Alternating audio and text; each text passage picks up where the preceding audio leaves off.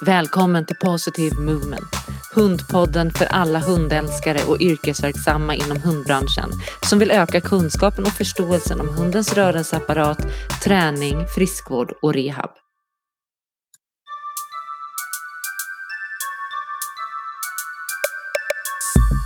Idag sitter jag här med Anna från Hund i Harmoni som håller till i Göteborg. Och vi ska ju prata laser främst. Vi ska försöka hålla fokus på laser. Ja. Eh, det är så himla roligt att prata med branschkollegor. Och du ska få börja och berätta om dig själv, Anna.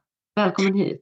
Tack snälla, jättekul att få vara med i din podd. Eh, och eh, ja, det här har jag sett fram emot. Jag, jag har jobbat som hundmassör i faktiskt över 20 år nu. Jag är inne på mitt 21 år.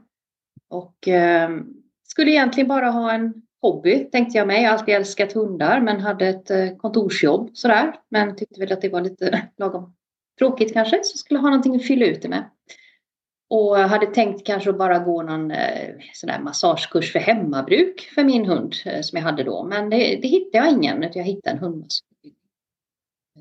Och det eh, fastnade jag för väldigt, väldigt mycket. Så att det här var 2003 och det gjorde att jag fortsatte att fullfölja de stegen och eh, eh, ja, det, var, det var fantastiskt. Och sen när jag var färdig så, så kände jag att jag skulle kombinera den här hobbyn med mitt vanliga arbete. Men eh, eh, det blev så att jag startade en egen verksamhet istället eh, utanför Göteborg då i Kungsbacka med hundsim och alltihopa.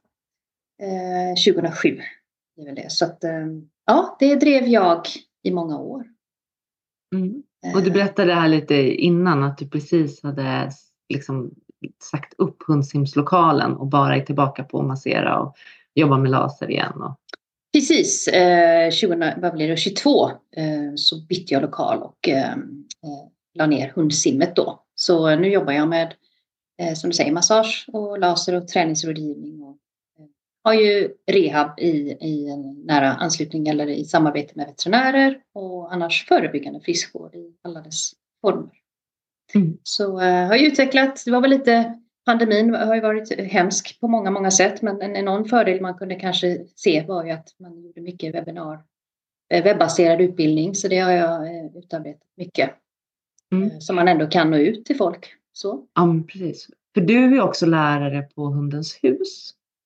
Precis, Hundens hus har jag samarbetat med i många, många år, nästan, nästan alla år och eh, håller de här. För något av det första jag gjorde då när jag var hundmassör var jag gjorde en sån här hemmabrukskurs för hundägare så de kunde massera sina hundar för husbehov.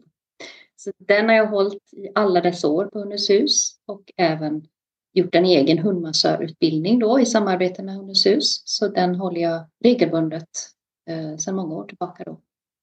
Det är härligt. Du, du är ju superduktig så den kan vi varmt rekommendera. Vi kan till och med länka till den i, eh, i poddbeskrivningen sen, så att man snabbt hittar till dig. Och vi kommer länka till din hemsida och dina kontaktuppgifter också. Eh, och Anna, du och jag har ju känt till varandra sedan, jag vet inte hur länge. Jag fick kontakt med dig när jag började i styrelsen för patientföreningen Hundartros. Och det var ju 2008 eller 2009 när jag precis var färdigutexad så hörde patientföreningen av sig och ville ha en Norrlands eh, representant.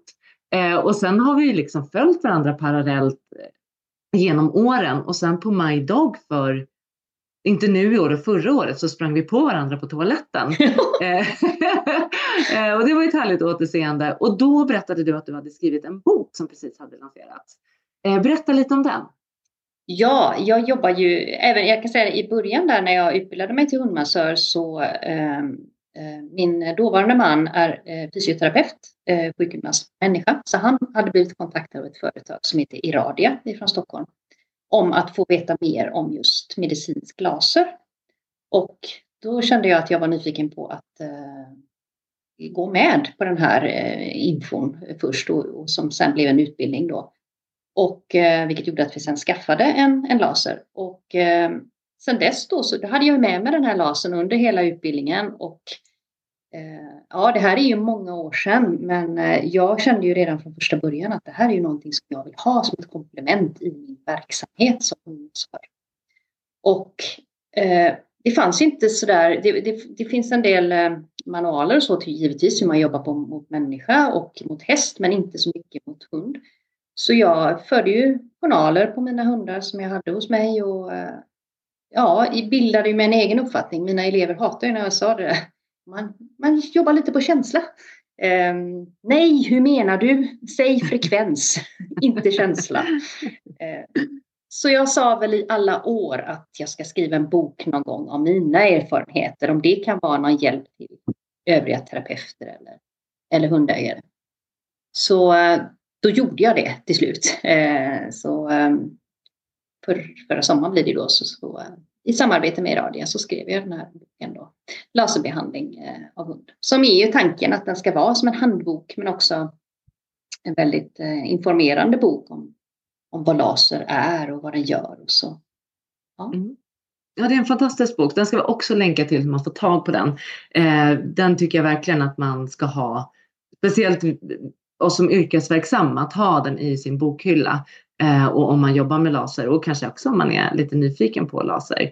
För den är eh, väldigt rolig att eh, kika i, eller rolig, men informativ och bra. Ja, eh. jo, men det, det, det tanken var väl, eh, jag har ju lite patientberättelse på slutet där, för jag vill ändå mm. att det ska bli det är väldigt kliniskt och det, har ju lutat mig mot forskning och studier och den vetenskap som finns kring laser för att göra det här trovärdigt på många, alla sätt och vis. Så inte att det bara blir mina ord. Men att jag ville ha lite kunders berättelser om, om sina hundar. Och det, det som jag tycker är så intressant med laser det är att varenda en som jobbar med laser och har gjort ett tag skapar, som du säger, man går på känsla, man skapar sina egna behandlingsprotokoll och man har sin go-to när det gäller vissa åkommor eller tillstånd eller diagnoser, vad man nu ska kalla det. Och sen så frågar man en annan eh, hur de gör och så är det kanske inte på ett helt annat sätt men andra frekvenser, andra behandlingstider och det tycker jag kan vara så roligt.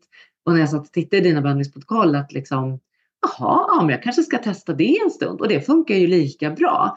Eh, och då blir man liksom, vad är då med laser som är så magiskt om jag får mm. säga det utan att flumma iväg. Men det är ju det här laserljuset, ju mer man hör om det, ju mer forskning man hör görs på till exempel cancertumörer, andra kroniska tillstånd som bara läker. Eh, och, och, och, vad, är, vad är laserljus? Om du, om du får säga med dina ord, vad är laserljuset? Eh, laserljuset är ett väldigt rent eh, och välordnat ljus som gör att eh, det, det kommer ner i, i cellen i vävnaden och skapar där sådana processer som gör att cellen läker sig snabbare. Det bildas bland annat mer sådana ATP som gör ren energi till cellen. Så ljusenergi ner på cellnivå och lasern gör ju då med, med sitt det här rena ljuset att man kan tränga igenom vävnaden och komma ganska djupt ner och därför komma åt de här eh, besvären som, som hunden kan ha då nära leder och annat. Så, eh, så, så brukar jag förklara då att det är egentligen ljusenergin som gör att cellen reparerar sig och återfår sin normala funktion. Mm. Eh, och, och sen eh, har man ju och håller på att forska jättemycket i även förebyggande syfte. Att inte bara behandla celler och områden, vävnad som är skadad på något sätt utan även förebyggande. Och det, det är faktiskt något som jag har mer eh, också eh, börjat jobba med. Att jag mm. arbetar mer på eh, ja, frisk vävnad för att boosta ännu mer med ljusenergi. Tycker att du ser skillnad då till exempel i snabbare återhämtning om man tittar på en arbetande hund? Är det där du menar? Precis, snabbare återhämtning och kanske till och med i växande ålder, eh, alltså unghundar som, som fysas ordentligt, att de får en, en ökad muskeltillväxt. Det har man sett i studier då på människor. Så, mm. Ehm, så det är, det, jag känner mig så trygg när jag jobbar med lasern kan jag säga. Um, och du sa magisk förut. Jag, jag brukar verkligen använda just det där ordet att det är de ögonblicken eh, när en hund är besvärad, har ont, kommer från veterinären med någon skada. Eh, och det har jag hur, hur många exempel som helst där de kan vara oroliga under undersökningar och annat. De har en smärta med sig in och de kan tycka det här är obehagligt. Ska det göra mer ont? Och sen när man plockar fram lasern hur de så många gånger bara lägger sig ner, tittar tacksamt, kanske slickar på handen. Det är lika fantastiskt efter alla dessa år varje gång det här händer och det händer ofta. Så det, det gör ju att, att jobbet känns, eh, ja, det är en ynnest att få vara med och hjälpa till. Ja, när de bara tackar och lägger sig och tar emot. Det jag kan fascineras av lasern också, det är att behandlingsresultaten går mycket fortare. Mm. Jag minns första gången jag behandlade en bicepstendinit och där har man liksom slitit innan med lite övningar och massage och försökt få det att läka och upplevt att, eller jag upplevt att massagen gjorde ont på den här superinflammerade muskeln såklart. Så det är svårt att massera också. Man kanske triggar inflammationen mer och retar läkningsprocessen istället för att hjälpa den i rätt riktning och så. Och så fick jag min laser, behandlar och den är borta på tre, fyra behandlingar. Ja. Ja. Och man bara, vad, vad hände? Kan detta ja. stämma? Mm. Eh, och det är inte bara bicepstendinit men alla sådana eh, smärtsamma tillstånd i muskeln som bara försvinner. Och senast nu när jag experimenterar, vi har ju en häst eh, och han är blockhalt en dag i hagen så han får komma in och vi letar. Jag har en hovslagare i stallet som är helt fantastisk och hon letar genom hovar, letar hovbölder, vi tänker fång, alltså vi tänker allt det här. Och till slut så landar vi att det nog är en av senorna på baksidan av benet som går ner i hoven. En av böjsenorna. Här skulle man ju behöva ta in ett ultraljud för att ta reda på vilken och vidare eh, och omfattningen av skadan och så. Men jag tänker jag provar min eh, älskade laser. Ehm, jag åker ner till stallet och då är han alltså, första två dagarna var han så halt så att han vill inte ens gå ur boxen. Dag tre är han så halt så att han liksom stapplar ur mm. boxen. Eh, jag laserbehandlar och sen går hästen. Mm. Och är typ, han är halt men långt ifrån, alltså han, nu kan han, vill han röra sig och han kan röra sig och man ser nästan inte att han haltar det är inte läkt ut. Vi har hållit på och jobbat med det här fram och tillbaka. Det har slagits upp för att vi har haft lite bråttom att släppa ut igen för att han vill helst vara med sina kompisar såklart och så. Och att han är 29 år, det tror jag också är en bidragande mm. orsak. Men jäklar vad skillnad det gör. För när han fick bakslag och blev sådär halt igen. På med lasern igen, liksom på med lasern tre, fyra dagar i sträck och hältan typ försvinner. Och det är så fascinerande. Jag tror verkligen att det gör skillnad. Så här är det ju bara jag nu då. Det var ganska nyligen som han fick bakslag de får eh, vara nitisk och inte tänka att det nog är bra nu. ja, det hoppas vi. Ja. Mm. Eh, och, och, det är ju där som är så gott med laser då att dels att man behandlar och det är inte Behandlingen är inte smärtsam ska vi säga. Den är ju, den, eh, djuret känner ju oftast av den men på ett väldigt behagligt sätt. Men att man, där man kanske inte kan göra så mycket rent fysiskt annars eh, kan, kan hjälpa på det sättet. Mm. Eh, så, så kan det ju nästan finnas en problematik i det jag har skrivit i boken också om att hundarna i det här fallet som jag behandlar då kan ju bli skenfriska. Alltså de, precis som det du sa där, att de kan ju känna sig så, nu är jag bra, för att de får en sån omedelbar lindring av ljuset. Så där är det ju superviktigt att man informerar ägarna om att nu är det koppel på och väldigt korta promenader här närmsta dagarna.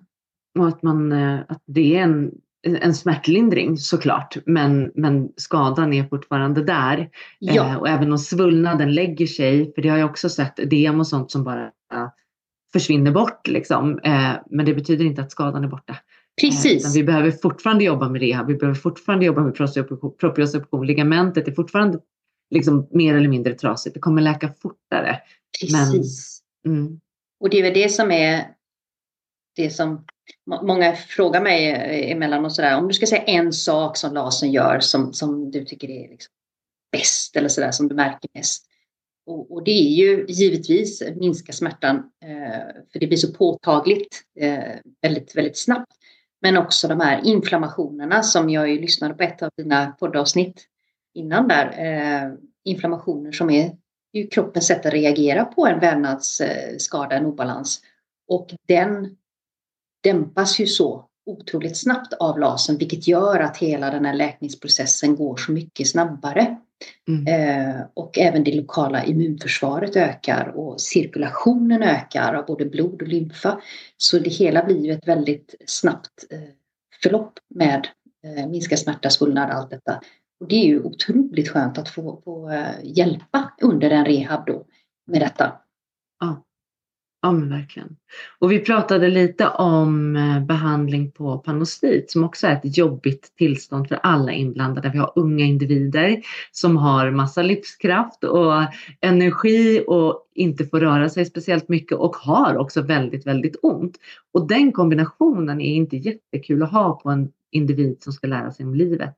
Eh, och är som bäddat för att skapa problembeteenden och taskiga hundmöten och allt möjligt. Men här berättade du att du har jobbat en del med laser. Eh, ja, berätta. där eh, hundarna kommer då från veterinären och konstaterat den här panostiten så är det ju det gör ju ont på hunden länge, eh, men då rekommenderar ju veterinärerna laser för de märker att det också hjälper då. Och, så då behandlar jag och jag jobbar mycket med frekvenser med laser. Jag, jag har pratat med många kollegor om detta att ja, frekvensen spelar roll. Så, sådär. Eh, så att, men när det gäller de mer akuta tillstånden så kan jag antingen jobba väldigt högt eller väldigt lågt. Men är det också en ung individ eller en väldigt gammal individ kan jag säga, så väljer jag att sänka lite den här hastigheten på ljuset som ju frekvensen innebär då. Eh, och att eh, kunderna får komma ganska tätt då, två, tre gånger på en vecka. Mm. Och det ger då ganska snabba resultat så att den här unga individen det, det, är ju extra jobbigt att ha ont när man har spring i de här benen, även om de mm. gör ont. Så det är ju eh, fantastiskt skönt att kunna bidra då till att det här läker snabbare. Eh, sen är det lite, ja, lite min mm. uppfattning då att om hunden har väldigt mycket inflammation, väldigt, väldigt ont eh, initialt, så kan de också eh, få lite illamående känsla eh, när de har fått laser. Så jag är noga med att säga det, att om de dricker lite extra eller smackar eller så, så kan det vara att det, det det ökar ju på hela den här utsöndringen i, i kroppen så att det kan bli att lite slagg måste lämna och då kan man må lite illa. Mm. jag har varit lite, jag har inte riktigt vågat eh, behandla med laser på panostiter, men det ska jag, det ska jag ta med mig och göra. Eh, för, för, för, som du säger, det blir ju ibland ett väldigt långt kroniskt tillstånd. Ja, ja. Eh, och de kan gå i flera månader och det blir bakslag och det kommer tillbaka fast det har läckt ut. Och, och byter ben och ja. ja. Jätte, jättejobbigt. Ja. Så ja, det, det tycker jag definitivt. och laser ja. är en bra kombination. Det ja. brukar vara väldigt, väldigt bra. Och det, är då, det finns ju många, som vi pratade om innan där, att uh, unga hundar så inte alltid veterinärerna skriver ut uh, antiinflammatoriska preparat. Uh, och då är det ju fantastiskt att kunna få ge lasern som ger samma, inte samma, men ger en antiinflammatorisk effekt utan att behöva ge medicin. Men ger du laser fast de har eh, antiinflammatoriska preparat också? Om veterinären eh, rekommenderar så gör jag det. Mm. Absolut. Mm. Annars hänvisar jag alltid tillbaka så att man får mm. eller, eller tar kontakt själv med veterinären och ställer mm. frågan. Så det tycker jag är viktigt att man har dialogen. Ja men såklart. såklart. Jag bara tänker på det här eh, som vi pratade lite om i det inflammationsavsnittet att ibland kan det kännas lite eller kontraproduktivt om hunden äter antiinflammatorisk medicin och sen går jag in och behandlar leden till exempel med avsikt att trigga en inflammation mm. för att få den att läka ut, vilket jag kanske vill göra i en artrosled. Eh, så när, jag brukar tänka i alla fall när hunden äter en antiinflammatorisk medicin och jag behandlar lederna, att jag mer behandlar med frekvenser och ljus som stimulerar eh, ligament och ledkapsel och kanske inte går så mycket på inflammationen. Just det. Hur ska vi tänka där?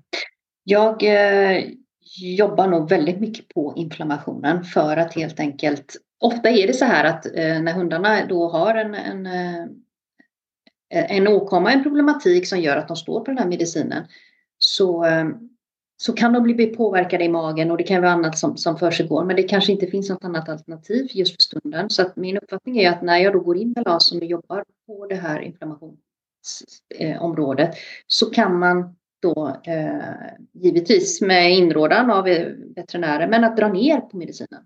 Mm. Istället eh, kanske då köra på mer med lasern.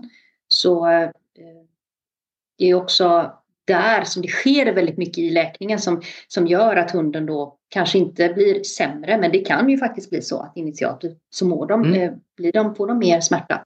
Men att man då med medicinens hjälp kanske inte ser det riktigt på samma sätt. Får man vara ännu mer tydlig. Nu är det koppel på, nu är det korta promenader, nu är det slät mark, inga trappor. Så, ja. För att uh, vara övertydlig och sen nu gör vi de här, nu är det två tuffa veckor vi har här framför oss. Um, Iradia tog fram en uh, laser för uh, användning hemma för några år sedan.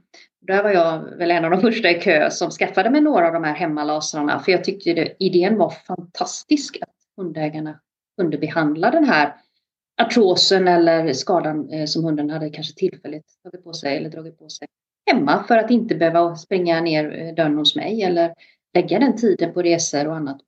Och att få göra täta behandlingar. Så det är ja, en fantastisk möjlighet tycker jag. Och det är det verkligen. Vi har ett par hundägare som faktiskt har egna lasrar som de inte hyr utan mig utan de har köpt själva. Men då, då kommer de in på lite regelbundna kontroller och så sätter jag så här, klisterlappar där de behöver behandla och så fotar oh. vi och så får de.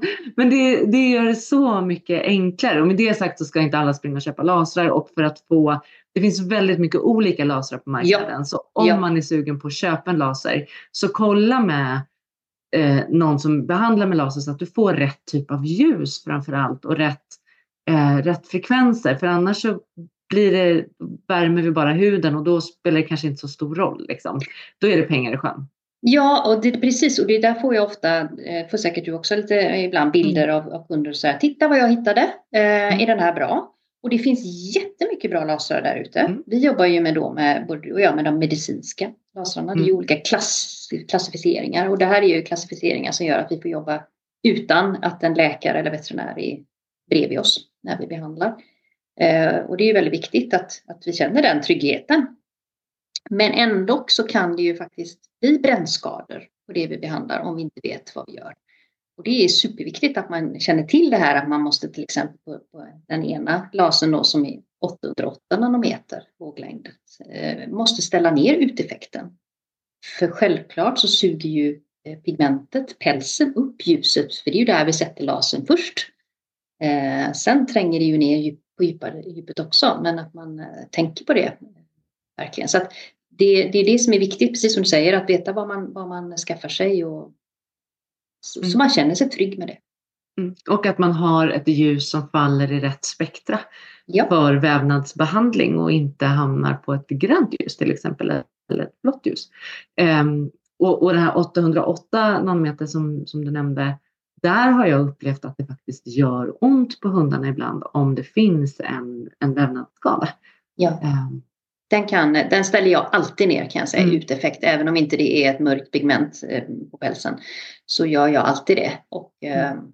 Men den har jag väldigt god nytta av faktiskt när jag mer punktmarkerar triggerpunkter eller runt mm. nerver mm. eller eh, även tår, eh, mm. senor. För den är så, det är en sån singelprob så där kommer jag åt väldigt, eh, ja, jag kom, mm. känner att jag kommer. Ja, och det finns ju lite olika typer av medicinska terapeutiska lasrar på marknaden som är väldigt, väldigt bra eh, och som har olika, radio har ju olika prober med olika ljus eh, och olika storlekar, vilket skapar vissa möjligheter. Eh, en annan eh, eh laserleverantör som jag också jobbar mycket med är Optiolaser och där har man proberna samma och, och liksom färdiga program, vilket skapar andra förutsättningar och möjligheter. Eh, och jag har ju lyxen att kunna använda båda. Eh, men, och det går lite perioder vilken jag tycker bäst om. Jag kan bara säga att resultatet är detsamma oavsett vilken jag använder. Så att här är en smaksak. Och våra elever får möjlighet att välja. Alltså de får prova sig fram med båda.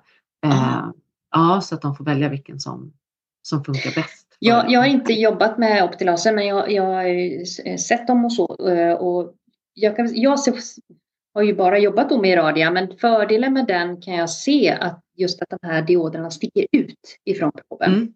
gör att jag kan komma ner väldigt nära vävnaden, mm. alltså genom pälsen så att inte ljuset, för mycket ljus då i onödan sprids över själva hudområdet utan mer att det kommer ner eh, Eh, och sen gillar, men det är ju jag som gillar det här och jag, jag kan ställa in det här eh, ja. i frekvenser och, och uteffekter och sånt individuellt för att eh, man har ju den här dialogen med eh, hundägaren, hunden när de kommer varje gång. Hur, mm. hur reagerade hunden sist, direkt efter? Hur länge har effekten suttit i? För att veta hur jag ska gå vidare med nästa behandling. Det, så jobbar jag väldigt, väldigt ofta. Eller det gör jag alltid kan jag säga. Ja. Och uppföljningen är ju superviktig. Och jag ska bara säga nu till låter så, så vi håller oss vän med alla. Men där kan man också ställa in, men man får gå in liksom lite bakvägen. Och det finns färdiginställda program i deras. Just det, och så ja. kan man Mm. gå in bakvägen och, och ställa in allting också. Ehm, nej men som sagt, olika prover är olika bra till olika. Och jag gillar också i radius att man kan gnussa in sig och komma verkligen hudnära. Ja, ja. Eh, medans eh, Optelasis är väldigt skön att ha när man ska in i ett armbågsveck till exempel. Perfekt in i så här håligheter och in i Just det. exempel. ja. Ehm, ja. Nej men som sagt, eh, vi kommer tillbaka till uppföljningen är ju superviktig när vi jobbar med, med laser och se liksom, hur reagerar de? Fick de mer ont? Blev de piggare? Eh, fick de total smärtlindring eller det, man vet ju inte alltid hur det kommer bli. Eh, men vi vill ha något resultat. ja. Ja. Något, något ska hända åt, något, det ena eller andra hållet så vill vi gärna få feedback på att något hände. Sen Det- kan man, behöver man kanske få guidning ibland som djurägare och veta vad man ska titta efter. just det. Mm. Nej, men just om man pratar med människor som behandlar andra människor med laser. Så, och så, för det är ju rätt ovanligt att vi människor känner, ska vi säga, ljuset eh, på samma sätt som djuren gör. Djuren får vi oftast en omedelbar respons på att de känner Mm. av den här laserbehandlingen och att den oftast är väldigt, eller den är behaglig. Människor är inte lika vanligt, men i vissa fall så, så har man ju fått höra av eh, kollegor som kör på humansidan då att ja, där, där känns, där sticker det till. Då kör vi lite till. För det är det här att man vill ha en reaktion. Men då kan vi människor prata med varandra på ett annat sätt. Eh, Mm. När det gäller att jobba med, med hund som du och jag gör så som vi pratade om tidigare är det ju jätteviktigt att läsa av hunden under tiden, eh, stunden efter, dagen efter och där har man ju hundägaren till hjälp för att kunna eh, göra det här så bra som möjligt. Verkligen, och all behandling måste ju ske i, tillsammans med djuret. Alltså om vi som masserar eller lasrar eller simtränar eller vad vi än gör, tycker jag att det ska finnas någon form av samtycke till det vi faktiskt gör. Sen kan vi ibland behöva lära hundarna vad det innebär eh, och visa dem hur vi vill att det ska gå till. Eh, men men när, så att de vet det och kan det här utan att det sker under tvång eller obehag. Liksom. Och sen då själv väljer ibland att gå upp eller ibland kan de ju faktiskt säga till sig, nu är jag klar. Jag är, min kropp är mätt. Exakt, exakt. Eh, och då måste det få vara så. Även om jag vill göra mer så, så måste man liksom respektera och lita på det. Jag har själv haft en hund som var ganska tydlig och ganska nära sig själv och hon hade spondylos så att hon fick antiinflammatorisk medicin i perioder. Och hon kunde själv på riktigt så här, nu behöver inte jag mer. Och sluta äta. Då ville inte hon ha något mer. Och, då, och det kunde vara efter 10 dagar eller efter 14 dagar. Och sen så kunde det gå några månader och sen kunde hon liksom visa att hon hade ont igen. Och så fick hon och så åt hon så länge hon ansåg att hon behövde. Och sen sa hon tack men nej tack. Och det var ändå tabletter hon tyckte om. Så att det var inte att hon inte ville ha tabletterna. Och det där tänker jag, ju mer vi förstärker det och ju mer vi ger gehör för hundens kommunikation, desto bättre blir de på att snacka med oss och kommunicera och Precis. visa. Det är den här relationen som man bygger upp eh, Mm. sten för sten. Liksom. Att, eh, att lyssna. Att, eh, Eh, jag har ju hundar som kommer till mig som jag inte rör eh, första gången överhuvudtaget. För de vill inte eh, ha beröring. De vill inte söka kontakt alls kanske. Men det är ändå ett möte. Det är viktigt att sitta och prata med ägaren och hunden får känna in dofter och, och, och ljud och, och mig. Eh, och oftast nästa besök går lättare. Eh, det har aldrig varit eh, min metod att, att tvinga och hålla. Det tror jag vi jobbar väldigt lika du och jag. Att, utan att det ska vara på, allt på hundens villkor. Det är då det blir som bäst, precis som du säger. Det är då den tar in. Och det, det är så roligt då för att när hunden behöver behandlingen så är den oftast väldigt mer stilla och nära. Men när de sen börjar känna att Nej, men jag mår riktigt bra, då kanske det är lite mer tigga godis och Precis, hitta på lite annat. fokusera på annat. Ja. Så eh, det, det är viktigt med lyhördheten. Eh, Mm. Verkligen, både som terapeut och hundägare, vilket jag tycker att de flesta hundägare är fantastiska på att känna av och Mm. sina hundar. Jo, jag tänker de som väljer att komma till oss eh, har ju oftast en god relation till sin hund. Eh, och det är ju ett självvalt beslut för att man är mån om och har sett att hunden har besvär och har ont och att man vill ha en förändring i det.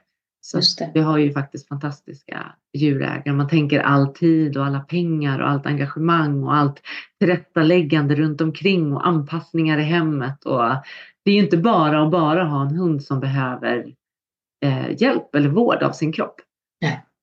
Precis, Nej, jag tycker det är fantastiskt och det, de ska vi lyfta verkligen de här hundägarna som är eh, många, många säger ju det att jag är mer rädd om hunden än om mig själv. Jag har inte gått iväg på massage på jättelänge.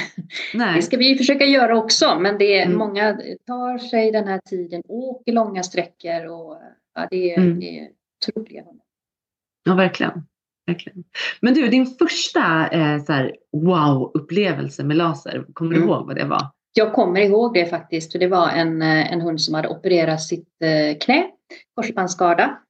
Eh, och då hade den här hunden implantat, vilket jag var eh, väldigt osäker på om jag vill, kunde använda lasern på implantatet. För jag tänkte att det är ju metall, vad ska hända? Det går inte och ljuset kan ju inte tas upp av metallen. Men eh, alltid kunnat eh, ha en jättebra dialog med Iradia och prata med dem och de sa att absolut, det, det, du kommer att stimulera den kringliggande vävnaden. Så den här hunden hade ju varit halt ganska länge. Eh, och det blev ju, det var ju liksom de här små inflammationerna som låg kvar och inte riktigt läkte. Eh, så det var ett sånt där ögonblick där hunden fullkomligt bara stannar upp när jag kör laser på det här knät och sen slutar halta och förblir ohalt. Helt otroligt. Då, då kan jag säga, då användes det där ordet magiskt igen. Men det var väl att jag antagligen hjälpte, eller lasern då, det där över kullen bara. Att nu, nu, det var det här sista lilla. Eh, för det var ju ganska länge efter. Det kommer jag aldrig glömma och det gjorde för mig att wow, det här är ju, det här vill jag eh, utforska vidare om. Verkligen. Men jag, i början där, nu backar vi över 20 år tillbaka i tiden, då frågade jag ju alltid ägarna eh, om jag fick använda lasern. Jag hade ett informationsblad, jag berättade vad den gjorde och så vidare. Eh, nu är det ju mer, ingår det ju i det vanliga konceptet. Så att säga. Ja, du var ju faktiskt eh, typ först, höll jag på säga, men du var väldigt eh, tidigt ute med laser, liksom inom veterinärmedicin, men även jämfört med humansidan. Och nu tror jag veterinärmedicin är lite mer eh, duktig på att använda laser än vad humansidan är. Jag I alla fall här uppe där jag träffar folk. Ja. Det har hänt mycket de sista åren och jag hade en föregångare faktiskt före mig i Kungsbacka, Hälso och helhet som Stefan eh, heter han. Eh, han jobbat med laser i både människa, hund och häst före mig så jag kände att han hade banat lite väg där för ja. mig. Eh, och nyfikenheten att ha eh, hjälpmedel som både jag och även hundägarna faktiskt. Så nej, det har hänt jättemycket och det tycker jag är så glädjande att eh, det, det är faktiskt uppmärksammas mer. Det är inget mirakel, det är inte magi. Det är, det är avancerade produkter vi jobbar med. Det ska vi verkligen säga, högteknologiska mm. produkter. Mm. Men de gör så väldigt, väldigt gott i mm. vävnaden. Och det jag tycker är fantastiskt eh, många gånger, det är när det blir de här kroniska eh, eller så små kapslar av ärrvävnad kan det bli ibland. Eh, att det det, liksom, det, som, det blir som en liten lokal inflammation som inte verkar göra speciellt ont men att det blir en lokal ansamling efter ett sår eh, eller efter en sån här skada eller på senor. Ibland kan man känna knölar och sådär. Och en eller två laserbehandlingar senare så är det borta. Ja. Eh, och det tänker jag också. De, de där är ju begränsande på ett eller annat sätt i vävnaderna och i flöden och i rörlighet och sådana saker. Eh, det är fantastiskt. Man bara, vad är det som gör? Nu vet vi ju, men man kan mm. ändå säga, vad är det som gör att det här bara försvinner? Och för det hjälper inte, du får inte bort det med massage på det sättet. Du får det liksom inte att läka ut på det sättet. Nej, det är, det är fantastiskt att man lyckas nå liksom in i Cellen har ju en, en kärna, en mitokondria och det är där som är, det är fabriken. Det är där som all energi skapas. Och, och att ljuset då släpps in i fabriken och bara skynda på det här jobbet. Eh, så att vi kan eh, reparera och må bra. Eller då inte ens skadade celler utan även friska celler reagerar på det här ljuset och blir mer kraftfulla och får mer energi. Mm. Och du, eh, man har ju lite olika. Skulle du säga att om du laserbehandlar för mycket för, för, för lång tid, en patient över för lång tid eller ger för mycket ljus eller så. Skulle du säga att din behandling blir ogjord då? Eh, inte ogjord, men det blir lite onödigt kanske. Eh, om man har ett tillstånd som inte är något akut utan det är ett kroniskt läge kanske och så behandlar man varje dag. Eh, jag skulle säga att cellen är mätt. Den kan inte ta emot mer ljus utan den här energin som har skapats den, den finns där fortfarande så att den kan liksom inte skapa mer. Fabriken är redan, eh, ja den, den kan inte göra mer. Eh, kapaciteten är på max. Så då är det bättre att eh, avvakta. Och det här har jag jobbat med rätt mycket genom åren att jag har eh, utvärderat genom att fråga ägarna och observera hundarna. Eh, hur, liksom, hur länge håller en behandling i sig? Eh, säger de då att ja, tre dagar, eh, första dagen var det sämre, sen blev det jättebra och sen nu har det gått tillbaka igen. Ja, men då vet jag att då behöver vi ha en tätare behandling för att få mer dos. Eh, eller så ja, jobba lite olika då med inställningar, frekvenser och annat för att se om man kan få en längre effekt och sen följs åt under rehaben. Mm, det är intressant, för jag har hört lite så här, ja men om man ger för mycket då, då blir behandlingen ogjord. Och där har mitt huvud alltid varit så här, fast är det verkligen möjligt? Jag kan förstå att så här, ja men som du säger, cellen blir mätt och sen så hamnar resten i soporna liksom. Men ja. då har man ändå gjort det man har gjort och det, men det blir ett slöseri på, på laserljus eller på el eller vad man nu vill. Ja, och tid mm. kanske. Tid, ja, precis. precis. Ja. Mm. Ja, Nej, men det, är, det är väl lite det du skrev, jag tror jag i boken också, att det värsta som kan mm. hända är att det inte händer någonting alls. Om man då tänker nu på det här, nu ska vi säga då med, med brännskaderisken och med, med vissa lasers uteffekter och sånt där, och den är väldigt minimal, men detta ändå finns. Eh, och att vi inte lyser två centimeter runt ögon och så vidare. Vi har den gränsen så, så är det inte så mycket farligt som kan hända så att säga, utan tvärtom. Det, vi kan få väldigt goda effekter istället. Och det är väl därför som vem som helst egentligen får köpa en laser. Det finns ju de här lasrarna som vi jobbar med. Det finns ju ingen, inga lagar som reglerar vem som får använda en sån här laser. Däremot så finns det mycket som påverkar resultatet och det handlar ju som sagt om kanske eh, ja, men viss kompetens. Ska vi behandla en muskel så behöver vi jobba liksom, inte bara på en punkt och så vidare. Men eh, för det är ju rätt ofarligt, förutom då att vi inte ska lysa in i ögon kanske. Tumörer och sådana tillstånd kanske vi inte vet tillräckligt mycket om eh, för att våga behandla idag. Men om vi skulle behandla en muskel så är det värsta som kan hända att inte, ingenting händer. Precis. Och det, det, det, tror jag det är lite olika lasrar som, som vi pratade om innan som, som finns eh, att då eh, eller vara ute på marknaden, men att man också eh, ser till att ha någon, en bra kontakt i det här företaget så att man kan få den här utbildningen, den genomgången så man vet hur laser funkar och hur laser funkar och, ja, och vad man mm. behandlar och vad man inte bör behandla. Har du varit med någon gång om att någon hund inte har svarat på laser? Ja, det händer, eh, inte ofta, men det händer emellanåt. Och eh, ja, nu ska jag inte klappa mig själv på bröstet, men, men många gånger det som jag minns här, det är att då har vi haft en underliggande historia, någon sjukdom, eh, någonting som gör att det här räcker inte, utan man har försökt. Jag, jag har alltid jobbat så att jag har aldrig sålt 20 behandlingar i något, vare sig massage eller laser, utan nu testar vi tre behandlingar, utvärderar tillsammans, kollar med veterinären om den är inblandad från början givetvis. Eh, men ibland så, eh, så händer det liksom ingenting på de tre behandlingarna. Det kan vara så att kunderna många gånger kan vi inte testa lite till, men så bortskämd vill jag kalla mig är jag med lasern att det ska hända Mm. inom tre behandlingar. Antingen att hunden blir tillfälligt sämre, men de allra flesta att det faktiskt börjar gå åt rätt håll. Eh, och händer inte detta då, då vill jag hänvisa tillbaka till veterinären och då har det visat sig en, en del gånger att det har funnits en underliggande sjukdom eh, som har gjort att den här hunden mår inte bra. Eh, det är inte det primära, den här hältan till exempel i benet som jag behandlar utan grundorsaken sitter någon helt annanstans. Och det är därför det är viktigt, utvärderingen. Mm. Det är mm. superviktigt att vi eh, hänvisar tillbaka eh, när vi märker att nej, här får vi ingen effekt.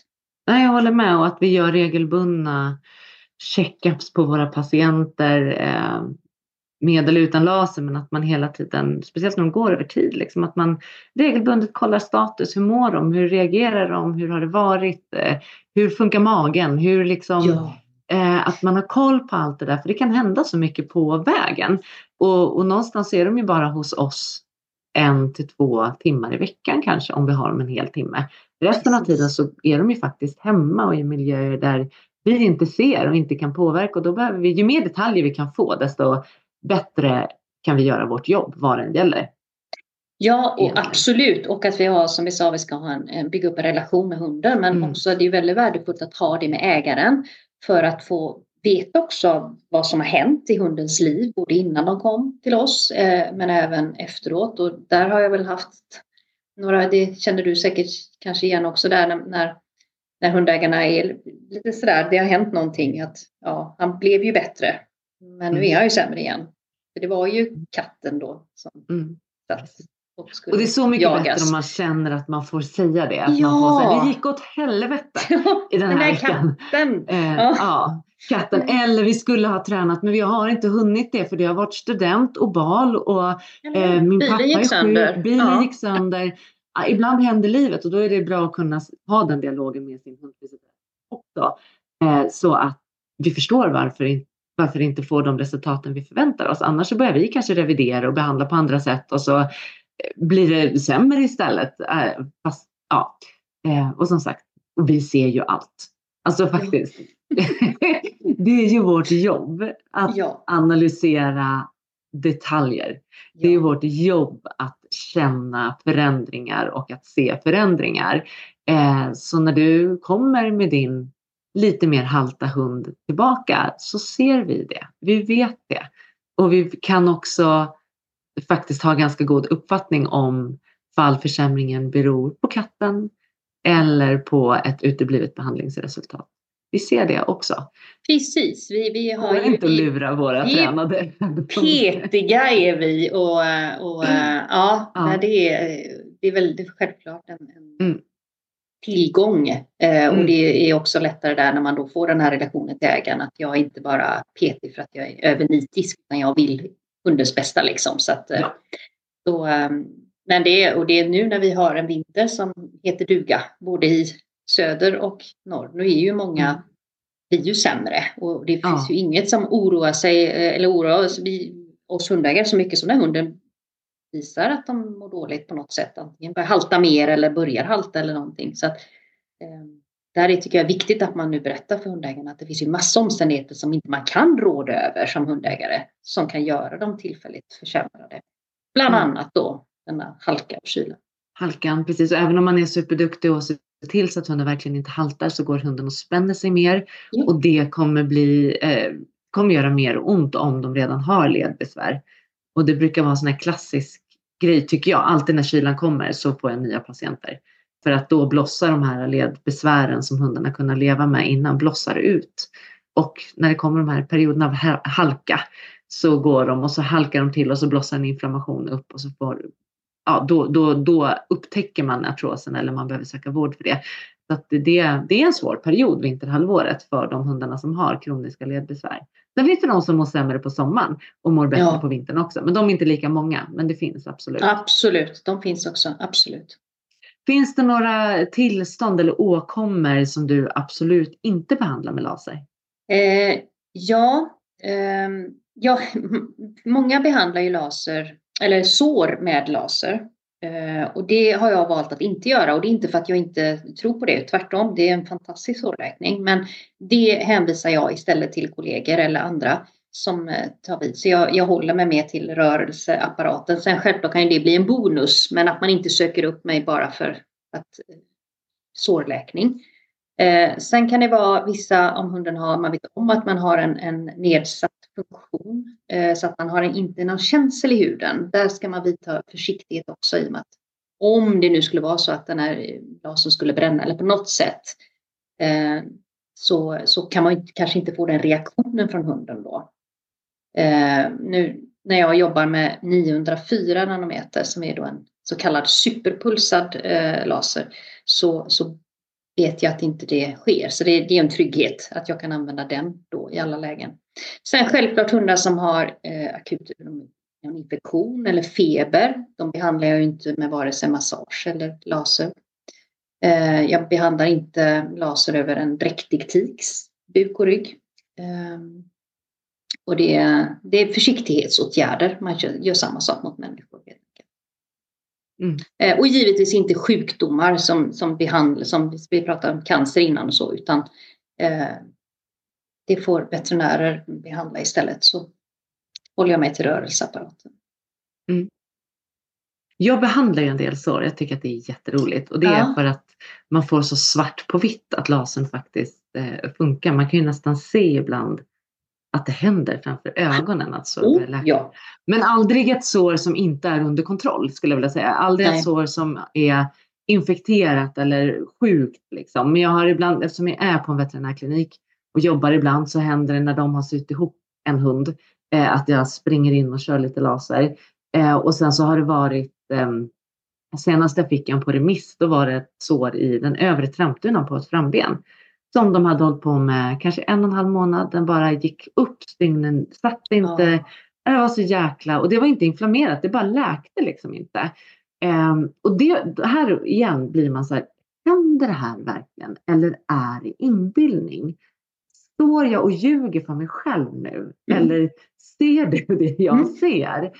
Um, och då började vi laserbehandla runt det här såret då enligt konstens alla regler. Man, ska liksom inte, man vill att las, eh, såret ska sluta sig in, alltså bakifrån eller inifrån. Man vill liksom inte att sårkanterna ska läka först. Utan, eh, så man jobbar runt om såret och jag brukar försöka komma, om man tänker att ett laserljus har någon centimeter eller två, det här röda som är 606 eller 650? 660, ja.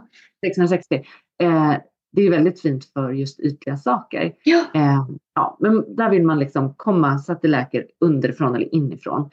Eh, så vi jobbar runt den här trampdynan och jag ser hur rodnaden lägger sig. Och så bara, håller det på att läka nu? Eh, och djurägaren bara, ser ut som att det verkligen har börjat läka. på liksom de här minuterna som vi bara laserbehandlar och just att rodnaden verkligen la sig. Ja, det är eh, och det här så var på onsdag. häftigt. De kommer till Åre på fredagen. De har en bit att åka, men de såg så himla fina resultat så att de bara, vi åker till Åre.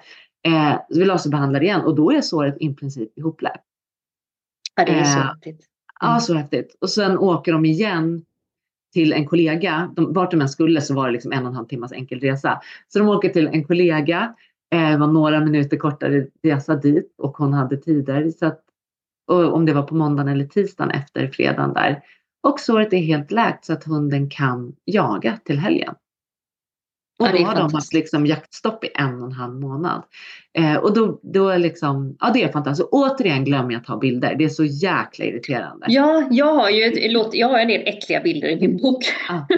för att det har blivit sår bara av den anledningen. Precis för att det är mm. så visuellt. Mm. Eh, att det, där är det så tydligt. Det som sker där sker ju också inne i muskeln fast där är det lite svårare att ta bilder. Så, så det är ja. faktiskt väldigt roligt som de här som har varit eh, hos mig av en annan anledning men att ha ett så, självklart behandlar jag ju det. Ja. Och så får man den här, det här kvittot då efteråt så mm. är det ju eh, helt fantastiskt. Men precis som du säger, inte de här infektuösa som, som inte är under behandling. Där, där vidtar jag lite försiktighet.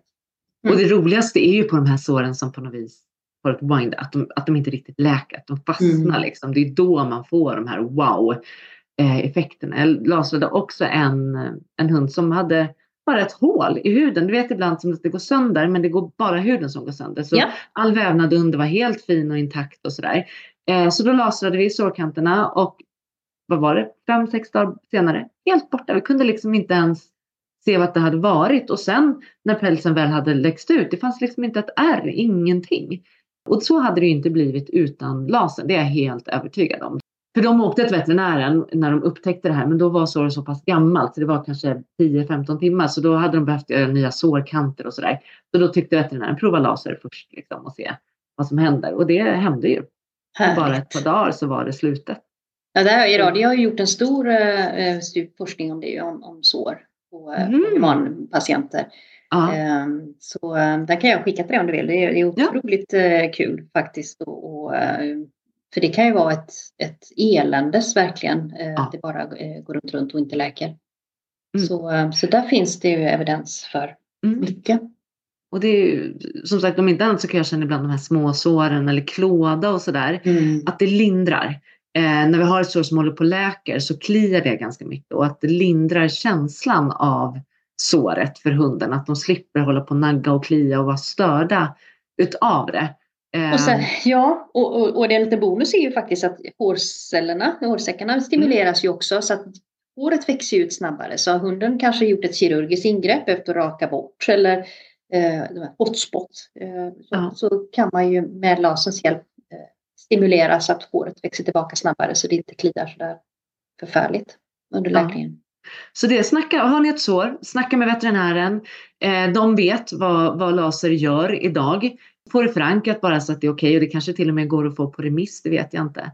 Och så hitta någon som känner sig bekväm med att, och som har kunskap om att laser är sår. Mm.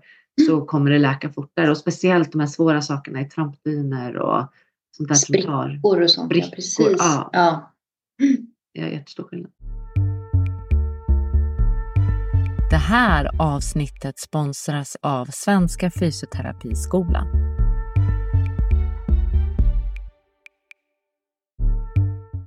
Vattensvans är ju någonting annat som jag kan nämna. var jag satt och det var det, ja. Det var jag det. tänkte det. Eh, det är någonting som eh, drabbar en del hundar under, under sin livstid och eh, tenderar ju vara så att har man fått det en gång så, så kommer det gärna tillbaka och det kan vara det är hundar absolut som går ner i kalla vatten Eh, och blir kraftigt nedkylda. Men det kan också vara att det regnar. Mm. De blir, får en överkänslighet.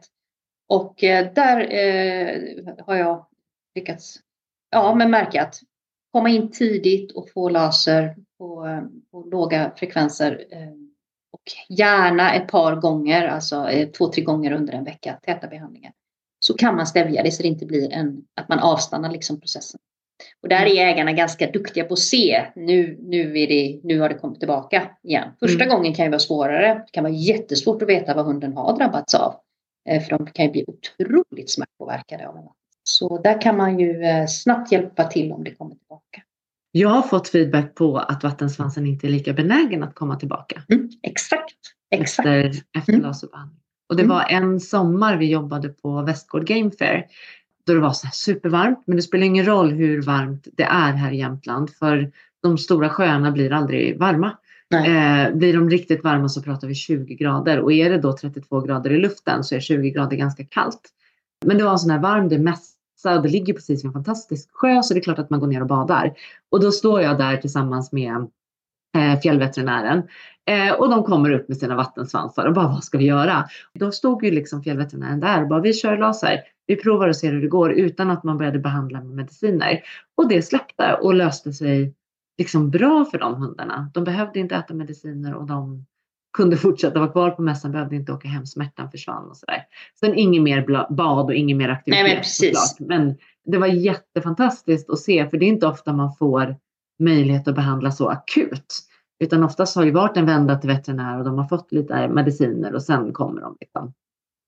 Och det är många sådana liksom, återkommande tillstånd som vi kan stävja med laser.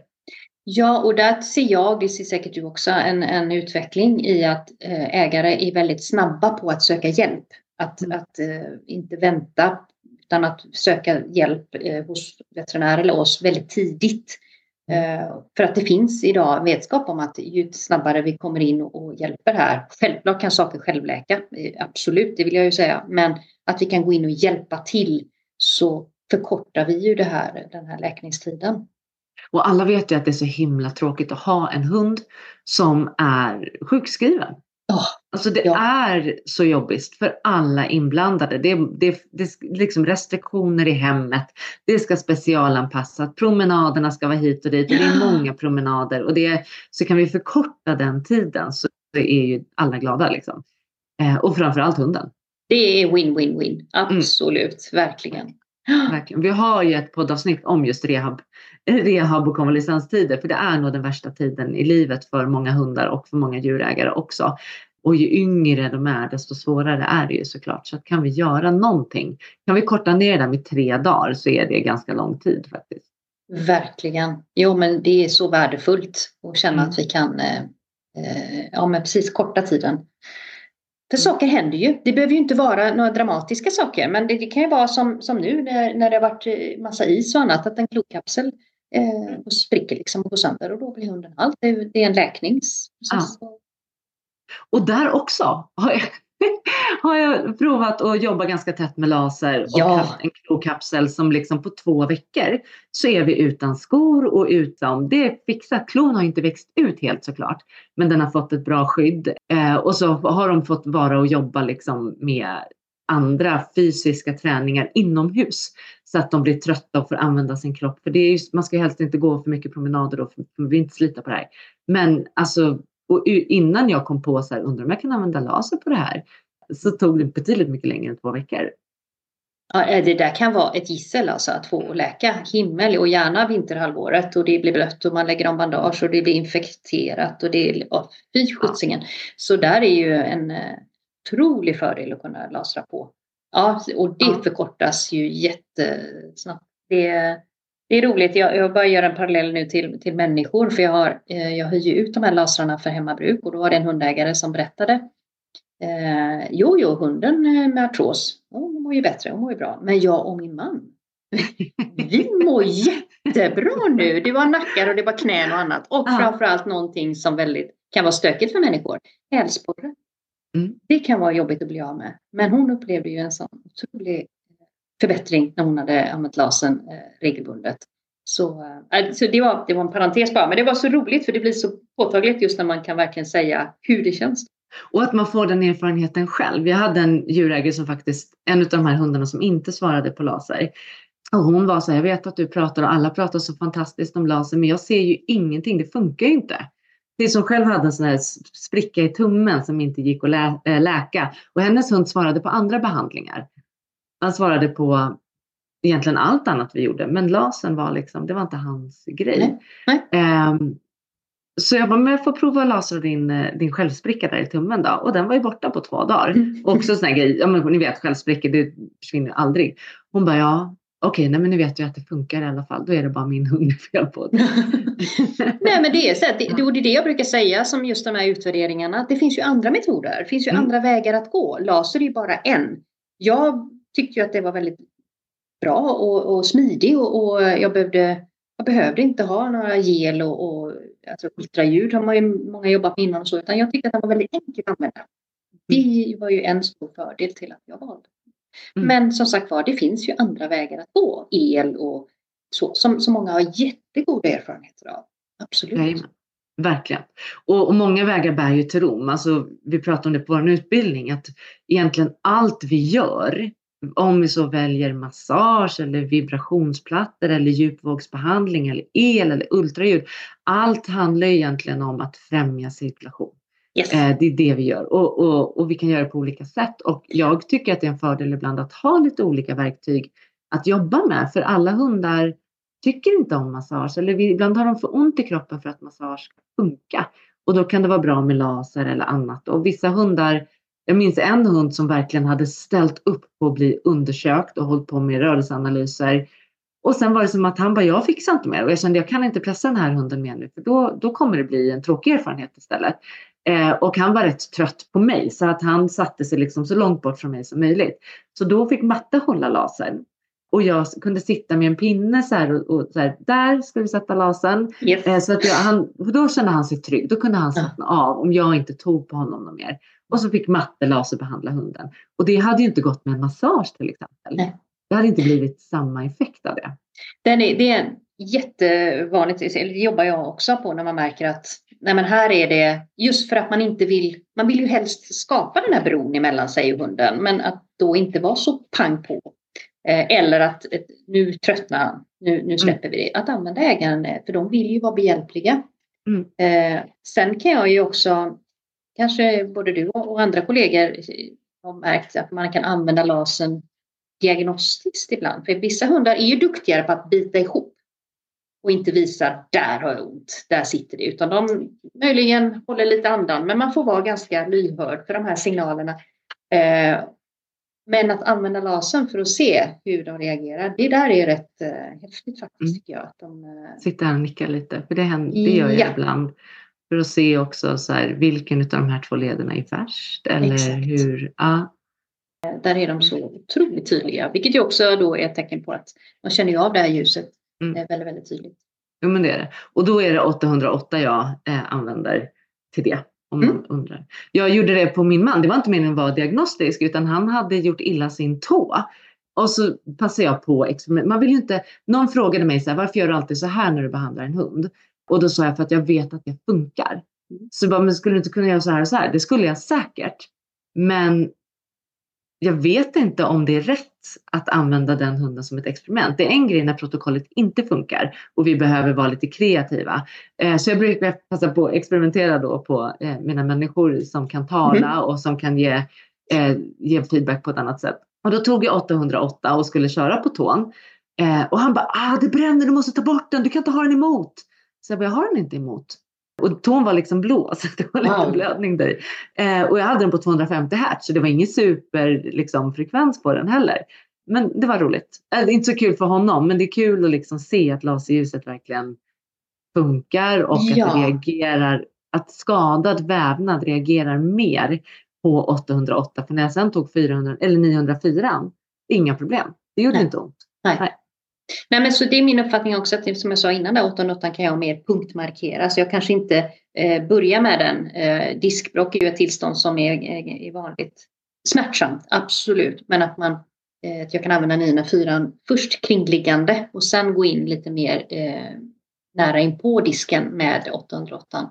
När man också kanske har fått en liten effekt av 904 först så att man inte åsamkar något, något obehag för hunden som redan har ont. Då. Det är ju fantastiskt att kunna jobba med olika frekvenser eftersom det svarar ju lite olika med olika våglängder. Och... Ja, det, ja, mm. ja, det är roligt att du delar min eh, uppfattning där för att eh, jag vet en del som, som inte mixtrar så mycket som jag gör men jag tycker att det är så olika eh, respons och reaktioner Så att eh, som jag nämnde innan när de har väldigt ont att man kan behöva sänka ner ordentligt frekvenserna till en början. Men även de äldre hundarna de som har tappat lite muskler, som inte har riktigt samma liksom, eh, så, kvar sin kropp på samma sätt, de är mer känsliga för ljuset. Vilket gör att det, är, det händer väldigt mycket. Det blir väldigt eh, mycket reaktion på ett få behandlingar. Men man kan behöva gå ner i frekvens för att inte pumpa in för mycket ljus så fort, utan att man drar ner på hastigheten. Det blir för intensivt, ja. precis som ibland en helkroppsmassage det blir för intensivt. Det orkar de liksom inte utan man måste prioritera eller dosera sin behandling och se vad Exakt. vi behöver lägga fokus på. Ett behandlingsprotokoll då om du skulle behandla en armbågsledsartros? Ja, eh, då är det ju oftast en svullnad med i, i bilden, alltså en synlig inflammation i armbågsleden. Så eh, om man nu förutsätter att hunden får sin träningsprogram, antingen simträning eller treadmill, eh, vattentrask, så eh, vill jag jobba efter träning med laser. Eh, och då jobbar jag eh, runt 1000 hertz oftast på en artros. Jag eh, brukar börja där eh, runt mellan 700 och 1000 hertz med 904. Och jag jobbar kring leden. Även om den här lasern ju når ner runt 5-6 centimeter eh, i, i, i djupet, så att säga på djupet, så, så täcker jag ändå om. Och Eh, ja, lite som du sa där förut, det där man kan se såret läka så att det är inte självklart så kan jag inte märka att svullnaden eh, påverkas direkt men eh, det är oftast väldigt mycket reaktion på hunden till en början där när man går in och behandlar. Så det vill jag göra ett par gånger i veckan under de, åtminstone de två första veckorna. Och där har det oftast hänt mycket att hunden har fått en, en mindre svullnad och därmed en bättre funktion. Funktion ser vi ju att den inte haltar på samma sätt, att den inte avlastar sig på den andra, det andra frambenet och så vidare. Eh, och då kan man mer göra en underhållsdos.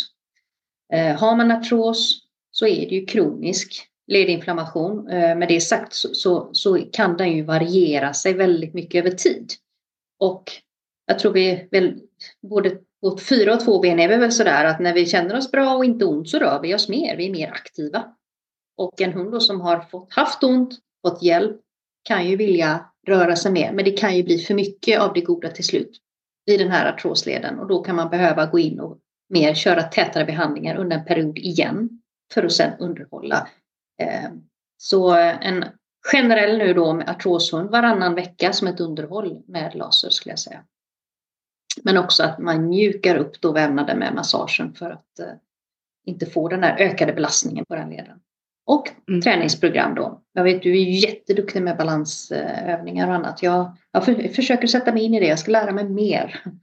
jag har jobbat med mitt sim i så många år så jag har inte jobbat så mycket med balansboll. Jag, jag skickar vidare till duktiga kollegor. Mm, ja, det är jätteroligt det, ja. och hundarna tycker att det är kul och det är så enkelt och det gör så stor eh, skillnad. Det är så lite som krävs för stora förändringar men jag tycker också att vi, vi pratade ju lite innan vi satte igång inspelningen om simmet och möjligheterna man har i en pool. Eh, och det är någonting jag verkligen kan sakna nu när jag inte har kvar min pool. Och just på artroshundarna, jag tycker liksom att man fick nu är det svårt att säga vad som var vad. Mitt liksom go-to-protokoll var gärna så här, kom in två gånger i veckan de första två, tre veckorna. Vi simmar, vi liksom simmar in och sen så simmar vi lite grann. Eh, jobbar med massage och laser och sen lite så lednära stärkande träning. Eh, samtidigt då som man har dragit ner lite på promenaderna ute för att minska den belastningen. Och i takt med att hunden ökar tiden i simmet så träffas vi färre gånger på rehab och vi kan öka promenaderna hemma. Eh, och, och liksom kanske justera motionen och promenaden hemma så att de är mer anpassade för en artroshund.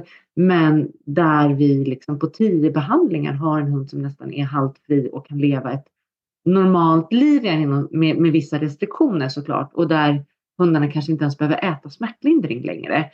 Utan att man har det som ett, det står i skåpet för oväntade händelser eller en fjälltur eller ja, man hittar liksom vad som funkar för sin hund. Ingen är ju den andra lik men eh, jag kan verkligen sakna de där fantastiska resultaten som man ser med träning. Man får ju också fantastiska resultat med laser. Eh, men det är ju träningen också för att det ska bli bestående. Annars jag håller med dig. På ruta rätt. Ja, nej, jag, jag lyssnade ju på dina avsnitt här innan och just jag, jag satt ju också och nickade igenkännande och log när ni pratade om, om just simningen och, och även vattentrask. Men jag har inte jobbat så mycket med den. Det gjorde jag ett tag hos veterinär. Men jag valde ju att skaffa en pool.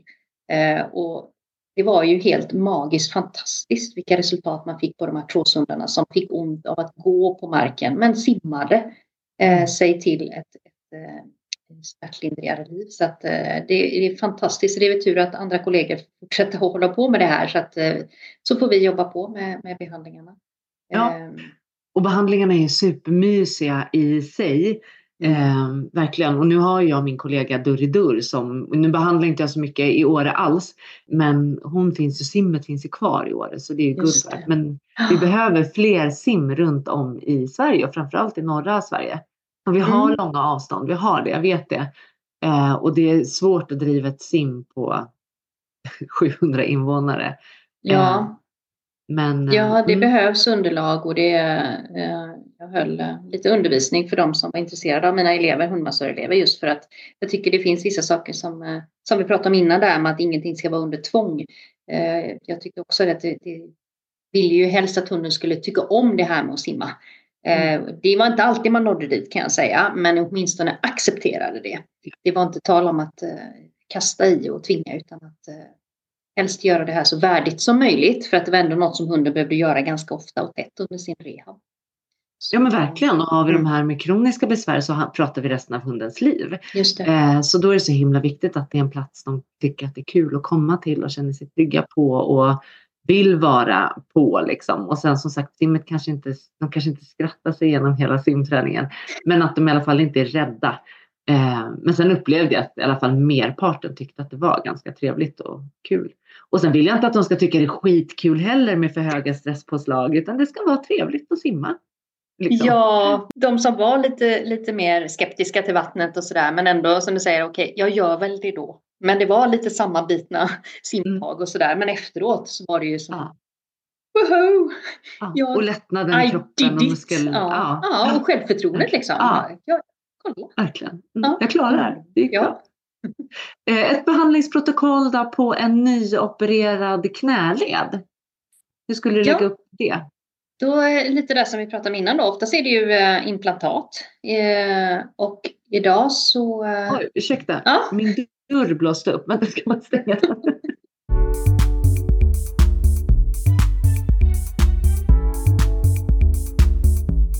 Så, förlåt. Det blåser hos er med. Här är så... Det blåser lite. ja, ni har opererat knä, knä ja, ja. Eh, oftast är det ju de här eh, inopererade eh, implantaten då. Som, eh, och, och, det skrev jag om i boken där också, för där eh, hittade jag ju studier eh, om att, ja det var Iradier som tipsade mig om det, att det, vävnaden blir ju, eh, får ju en otrolig boost av ljuset som är kringliggande då. Så att det, det ska man definitivt eh, göra om man har möjlighet. Så eh, där blir det två, tre behandlingar eh, vecka ett, två, tre behandlingar vecka två. Och sen jag lägger jag mer upp en tio veckors plan kan jag säga. 10-12 veckor, det var som du sa innan där med, med artros. Men just då har man ju kommit en bra bit på väg. Eh, det akuta läget, alltså första tiden efter ingreppet. Eh, om man backar bak i tiden så kom veterinären, eller veterinärerna, hundarna kom till mig från veterinären när de hade gjort det här återbesöket eh, sex veckor efter operationerna. Och då fick de börja simma och, och rehabiliteras. Men den tiden har ju halverats av veterinärer så att man sätter igång redan ja, men stygnen tas och så får de oftast testas och simmas eller traskas hos veterinären och sen iväg till, till rehab. Så, så är oftast turerna här. Så, eh, så man har ju möjlighet att träffa de ganska ny, nyopererade så att säga. Eh, och där när det är nytt, färskt, svullet så jobbar jag med lite lägre frekvenser. Självklart en lyhördhet mot hunden. Eh, och Eh, något jag kan göra också är att underlätta andra sidan, alltså andra bakbenet som då får bära mer belastning. Korsband är ju någonting som kan vara väldigt lurigt att komma till rätta med, att inte alltid man märker att det är den, den som är boven i dramat utan det, det kan vara en partiell ruptur som gör att det är svårt att hitta. Vilket kan ha gjort att hunden har haltat och tappat mycket muskelmassa. Så då vill jag behandla även det andra benet med laser för att eh, hjälpa till med energin och återhämtning. Så täta behandlingar och gärna att jag lånar ut en, en laser till ägaren i det här läget om, om den känner sig trygg med att behandla henne. Om du hade fått bestämma helt själv, hade du hellre sett att de här kom in typ dagen efter operation? Nej, det hade jag inte. För det är så, den, den frågan får jag emellanåt faktiskt från eh, hundägare som vi vill starta igång med en gång, kan vi komma imorgon? Vi hämtar honom klockan fyra. Nej, eh, det, det är ett ingrepp, det är så mycket Hunden har varit sövd, den har varit inlagd på sjukhus, det har varit massa stress. Även om inte man tycker det är läskigt att gå till veterinären så är det inte buskul. Eh, så att den behöver den tiden hemma. Så det tycker jag, det, kan tillstöta massa saker. Eh, så det, nej, där vill jag känna att de, är, de kommer efter, när, på veterinärens inrådan, vilket oftast är typ tre veckor. Kan vara lite tidigare ibland, vissa veterinärer är lite snabbare. Mm.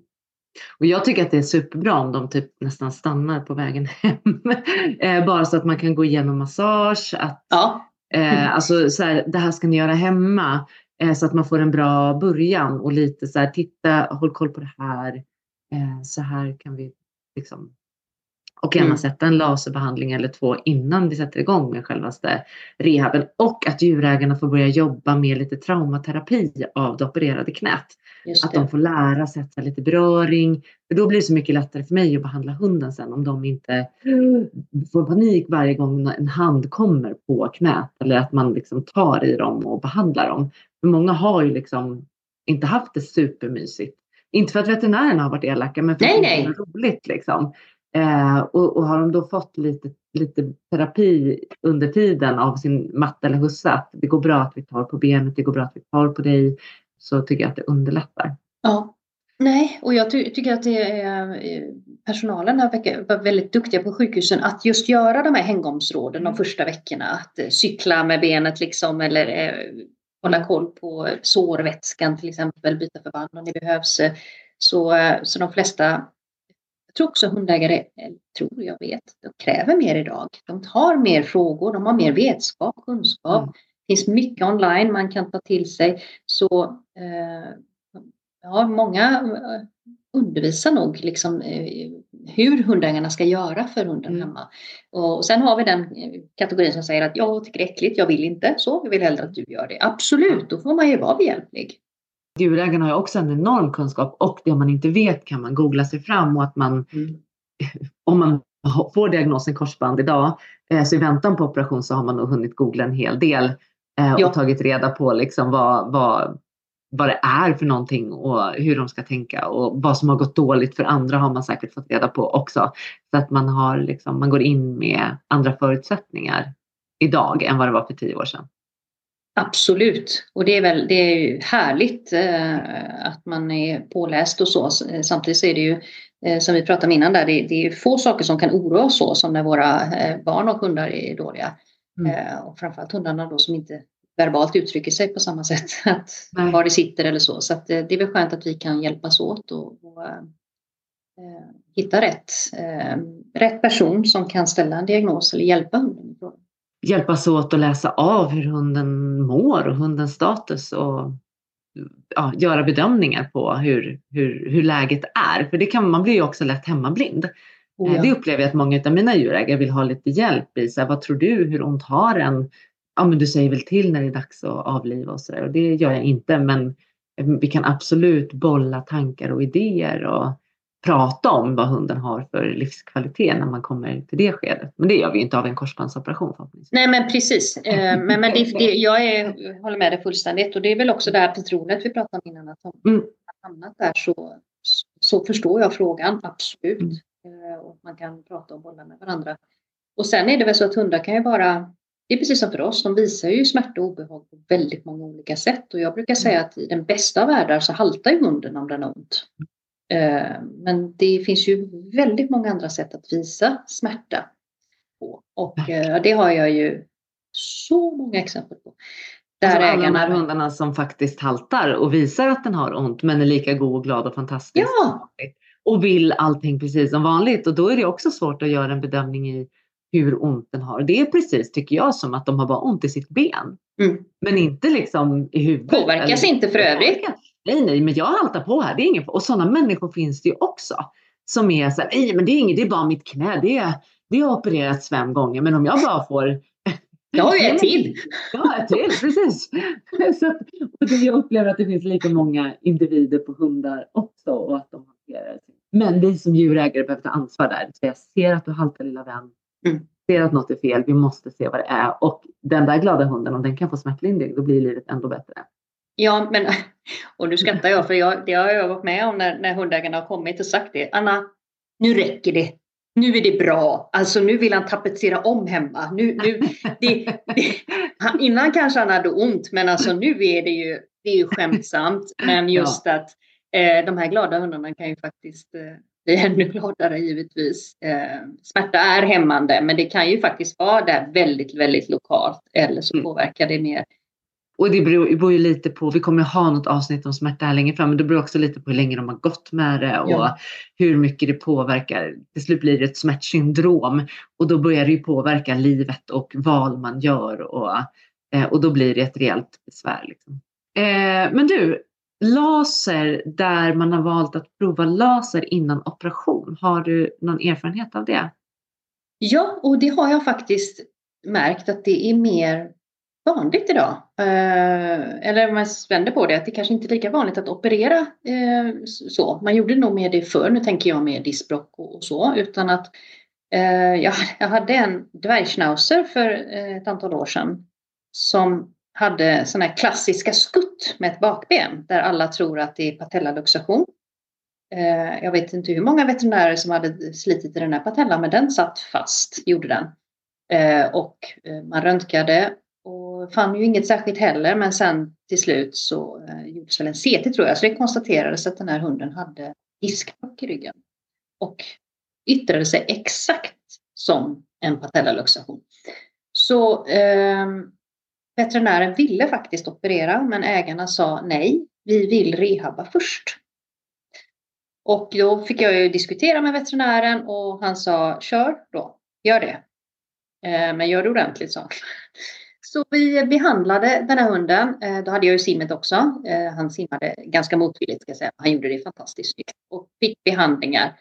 Och tio gånger eh, från början, två gånger i veckan, sen en gång i veckan efter några antal gånger och blev ju i stort sett besvärsfri.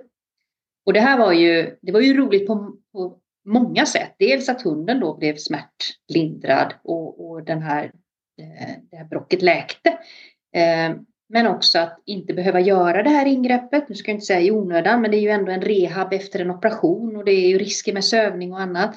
Så det var väldigt eh, intressant och faktiskt veterinärens reaktion som, som ju hatten av var det verkligen. Mm. Vad, vad bra att eh, vi testar detta för att det kan vara eh, det är bra för oss att veta.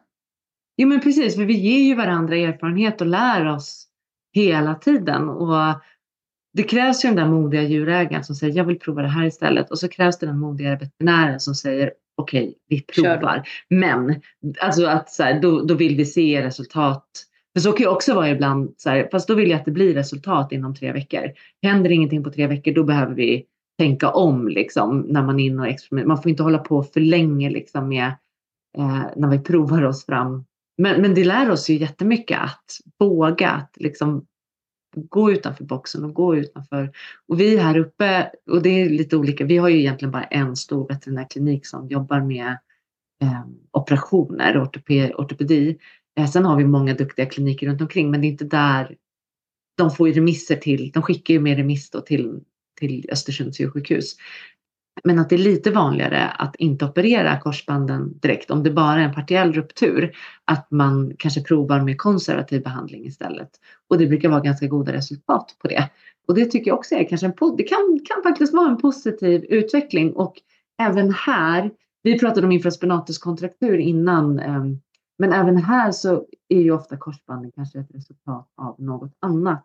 Och kan vi då i samband med att vi provar en konservativ behandling försöka hitta orsaken eh, och se helheten och jobba med hela kroppen och försöka balansera upp de här obalanserna som har blivit någon gång så kanske det inte blir värre än så. Men jag tror att löser man inte det så blir det bara en lösning för stunden att den inte behövde operera nu men om ett år så kommer det gå av ändå. Just precis. Jag tror, men jag har, jag har ingen forskning som, som, som stärker det men det är min egen uppfattning. Ja, och där håller jag med och jag, jag tror att, eh, eller man ser, det, eh, det är mycket eh, förebyggande tänk idag, tycker jag. Bland hundägare överlag och inom, det finns hundsporter och annat som, så, så där man tänker mer att håll hunden stark eh, tidigt, liksom bygg upp långsamt men ändå förebygg för att det kan hända den här klokapseln som går sönder eller, eller hältan liksom som kommer bara onödigt. Det är bra att vara eh, lite varse innan utan att vara dramatisk eller hysterisk. Det tycker jag har ökat på ett väldigt bra sätt. Då. Att också gå och få förebyggande massage eller behandlingar. Att inte bara eh, när det hänt någonting. Där tycker jag hundägarna har blivit eh, mer snabba och det är, det är fantastiskt att se. För då har man ju som terapeut också möjlighet att lättare hjälpa. Verkligen, och vi kan hitta saker innan det är för sent. Eh, och visst, vissa säger nej men jag vet att det har sagts. nej men vi går inte dit, hon hittar bara fel. Eh, ja, men det är ju mitt jobb. Men vissa går, dit, eller går hit till mig för att man vill hitta de där felen innan det är ett, en skada. Eh, och då kan vi jobba förebyggande och det kanske, liksom, det kanske är lite trist men då behöver vi oftast inte dra ner på aktivitet eller sätta hunden på paus eller sådär utan då behöver vi bara komplettera det vi redan gör. Eh, och vi kan oftast fortsätta träna och ha den, den, det vi, fortsätta med det vi gör men vi behöver bara tänka på det här också. Eh, och har man en hund som jobbar på hög nivå, man tävlar, tävlar och tränar på hög nivå så vill man ju hellre det än att stå inför den viktiga liksom, säsongsstarten med en skadad hund. Verkligen. Nej, så det tycker jag det är roligt eh, och jag verkligen hyllar dem som, som eh, söker hjälp före. Mm. Eh, så, innan, som du säger, säsonger och, och, även efteråt att nu tar vi och återhämtar här. Och, och, det vi har ju lyssnat på dina avsnitt här innan också. Just hur, vikten av återhämtning, inte bara för, för kroppen men för själen. Att vi kan ha väldigt aktivt hundliv. Men hur viktigt det är med återhämtningen och eh, Netflix-dagarna som jag kallar dem. Att det bara, mm. ja, nu är, vi, nu är vi här du och jag. Självklart går vi ut och rör på oss och går vanliga promenader men vi behöver inte pusha varje Vi behöver inte aktivitet, vi behöver inte planera Nej. någonting. Nej. Eh, det är väldigt positiv utveckling vi har haft i hundvärlden eh, de senaste liksom, ja, men, sju åren, tio mm. åren. Eller ja, egentligen sedan jag började 2008, då var det jättekonstigt. Då fick jag nästan skämmas för det jag gjorde och jag vet att folk var och då är du hundpratare eller vad gör du? Alltså det var jätte, jättekonstigt. Och idag är det så självklart. Eh, då var jag helt själv i Jämtland och det var så himla himla konstigt det jag höll på med. Och sen öppnade djursjukhuset en rehabavdelning och det var ju en enorm skjuts. Plus att man började skriva i jakttidningar och sådär. Så att det blev liksom en förändring och att det har blivit en, en helt annan kultur där idag är självklart att vi vårdar våra hundar. Det är inte Eh, trams att hålla på med tecken på våra pälsiga jakthundar och det är inte trams att värma upp och det är liksom och sen vissa klubbar och vissa gäng gör det mer än andra och det där kommer ju alltid gå i vågor och i trender tror jag. Men kunskapen har ökat och också att kapaciteten hos veterinärerna. Idag så kan vi fixa så mycket. Alltså de mm. kan göra så himla mycket. De kan laga så mycket och vi kan med det och med rehab återfå hundarna. De blir liksom inte pensionerade vid fem års ålder bara för att de eh, skadade sig en gång utan idag kan de faktiskt komma tillbaka till full funktion. Jakthundar kan jaga igen och då är det ju värt det liksom. Precis, och även att om man då har fått eh, artros, alltså hunden har fått mm. det tidigt eller fått det i alla fall i livet, att inte det betyder att den ska ha ett smärtsamt eh, återstående liv utan att det går att få eh, ett fullvärdigt gott hundliv länge mm. och göra skillnad. Så, så det har hänt. Jag tycker det är fantastiskt verkligen att, att se den utvecklingen och skillnaden. Och, nej, det är väl härligt att få vara en del av det jätteroligt och jag tänker ja. att det bara blir bättre ja. inom många. Jag är ju superintresserad av näring och hormoner och jag ser fram emot utvecklingen och kunskapen Um, och, och som jag nämnde artros, när jag började då, då var det ju så här koppel och medicin resten av hundens liv. Ja. Till idag är det ju motsatsen. Idag vill vi försöka ha så hög eh, aktivitetsnivå som möjligt utan belastning men att hunden faktiskt får träna och röra på sig och bygga muskler och ambitionen är ju så lite smärtlindring som möjligt och hitta liksom bra alternativa vägar till det. Ja, och för att knyta an till temat idag så är det ju just mm. eh, där kan ju faktiskt LASEN hjälpa och det, mm. det, är så otroligt roligt när det då står i remisserna, eh, veterinärerna specifikt då laser, eller att ägarna hör av sig och säger att eh, vår veterinär sa att laser är bra för våran hund. Eh, mm. så det, det är ju underbart att få hjälpa då för att uh, lindra mm. framförallt hunden men även att göra en, en ägare lugn och lugnare. Att kunna ha uh, de här goda promenaderna eller aktiveringen mm. ändå. Mm, för det är väldigt jobbigt att gå och oroa sig hela tiden. Kommer hunden klara det här? Kommer det här göra ont? Ja. Hur mår den efter den här promenaden? Ja, eh, och det kanske man aldrig kommer ifrån, men man kan i alla fall känna sig tryggare om man vet att liksom, vi har regelbundna behandlingar och att vi har läget under kontroll och man har en god kontakt hundfysio och man har en god kontakt med sin veterinär. Och, och sen öppna lite dörrar som jag brukar säga. Man ska alltid ha lite dörrar på glänt. Men du nämnde det med täcke. Liksom. Det, var mm. ju, det var ju, jag gissar 20 år tillbaka i tiden. Det var ju lite, lite svårare att prata om täcke ja. då. Men det gjorde jag ändå. Ja. Eh, och idag har ju de flesta några stycken. Eh, ja. eh, olika ändamål. Nej, men, och sen kan vi prata tillskott, alltså kosttillskott. Mm. Och, och, det finns ju så mycket inom hundens friskvård och välmående. Eh, och rehab, men som vi kan eh, ta och ge ur. Så det, jag tycker det är fantastiskt att kunna hjälpa också, hänvisa varandra och så. Eh, mm. Det blir så bra som möjligt. En avslutande fråga här nu. Mm. Laser och cancer. Mm. Hur tänker du där? Jag tänker att eh, jag inte eh, behandlar en hund som har cancer. Eh, men jag vet ju att det pågår forskning i, på alla möjliga sätt att bekämpa den här sjukdomen. Så det ska bli intressant, att, eller jag följer det på olika sätt. Och det kommer att bli eh, eh, mer tror jag. Det kommer hända jättemycket. Eh, inte bara lasern utan andra vägar att, att eh, kunna bekämpa det här.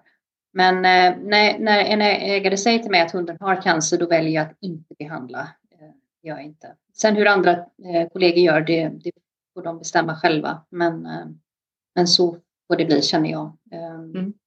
Mm. Mm. Rätt eller fel, men det, det, det känns... Ehm, jag tror i verkligen inte, så ska jag väl säga, att, att lasern ska, kommer kunna förvärra eh, eller ett cancertillstånd eller få cancer att öka. Det tror jag definitivt inte. Jag, det jag tror är ju tvärtom.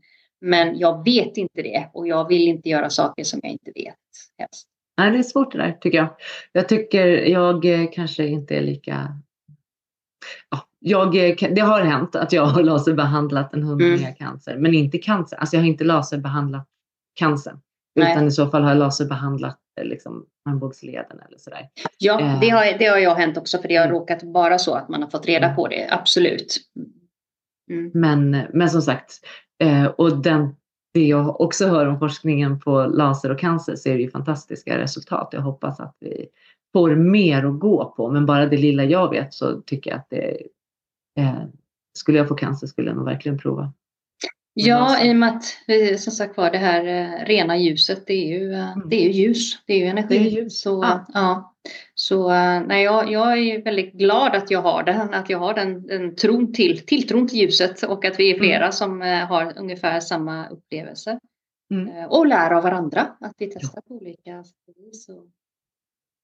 Kommer lite längre med varje hund. Man lär sig någonting av varje hund man möter så får man ju ny kunskap och ny erfarenhet och eh, ja, det är jätteroligt. Och som sagt, mer laser åt vovarna. Eh, det är smärtfritt, det är icke-invasivt, du kan inte skada utan vi kan bara förbättra tillståndet och i värsta fall så händer ingenting alls. Då har vi slösat lite tid bara. Och kanske Mattes eller husses pengar. Men, ja. men det jag brukar tänka det är att det blir ju ändå någon form av beröring och hantering. Och för mig så är det sällan bara en laserbehandling utan jag brukar ha det som en del i hela repertoaren. Eh, och vi har fått igång oxytocin och vi har fått igång massa andra processer i kroppen som också är otroligt främjande eh, vid läkning. Eh, så att det finns nog bara gott med laser. Ja men absolut och det, vi fortsätter att göra nya studier och, och, läsa om dem och, och det blir kanske fler böcker. Men ja. ja, det är roligt. Ja. Det är roligt. Jag kommer länka till din bok som sagt så att man kan hitta den och länka till dig, Hund i harmoni och Anna. Och stort, stort. Får man höra av sig till dig om man har frågor? Hemskt gärna. Det är lättast att nå mig på mail eller eh, sms. Och om man vill att jag ska höra av mig och ringa så gör jag självklart det. Men eh, absolut, det är bara att höra av sig. Tack. Tack för idag Anna. Vi hörs ju igen på ett eller annat sätt. Det gör vi. Tack själv för att jag fick vara med. Jätteroligt. Tack för att du lyssnade på det här avsnittet. Jag hoppas att du tyckte om det. Jag vill avsluta med att berätta att vi i år kommer att starta en hundfysioterapeututbildning i Göteborg. Eh, så in och kika på det på Svenska Fysioterapiskolans hemsida och jag hoppas att du är en av de som kommer starta med oss.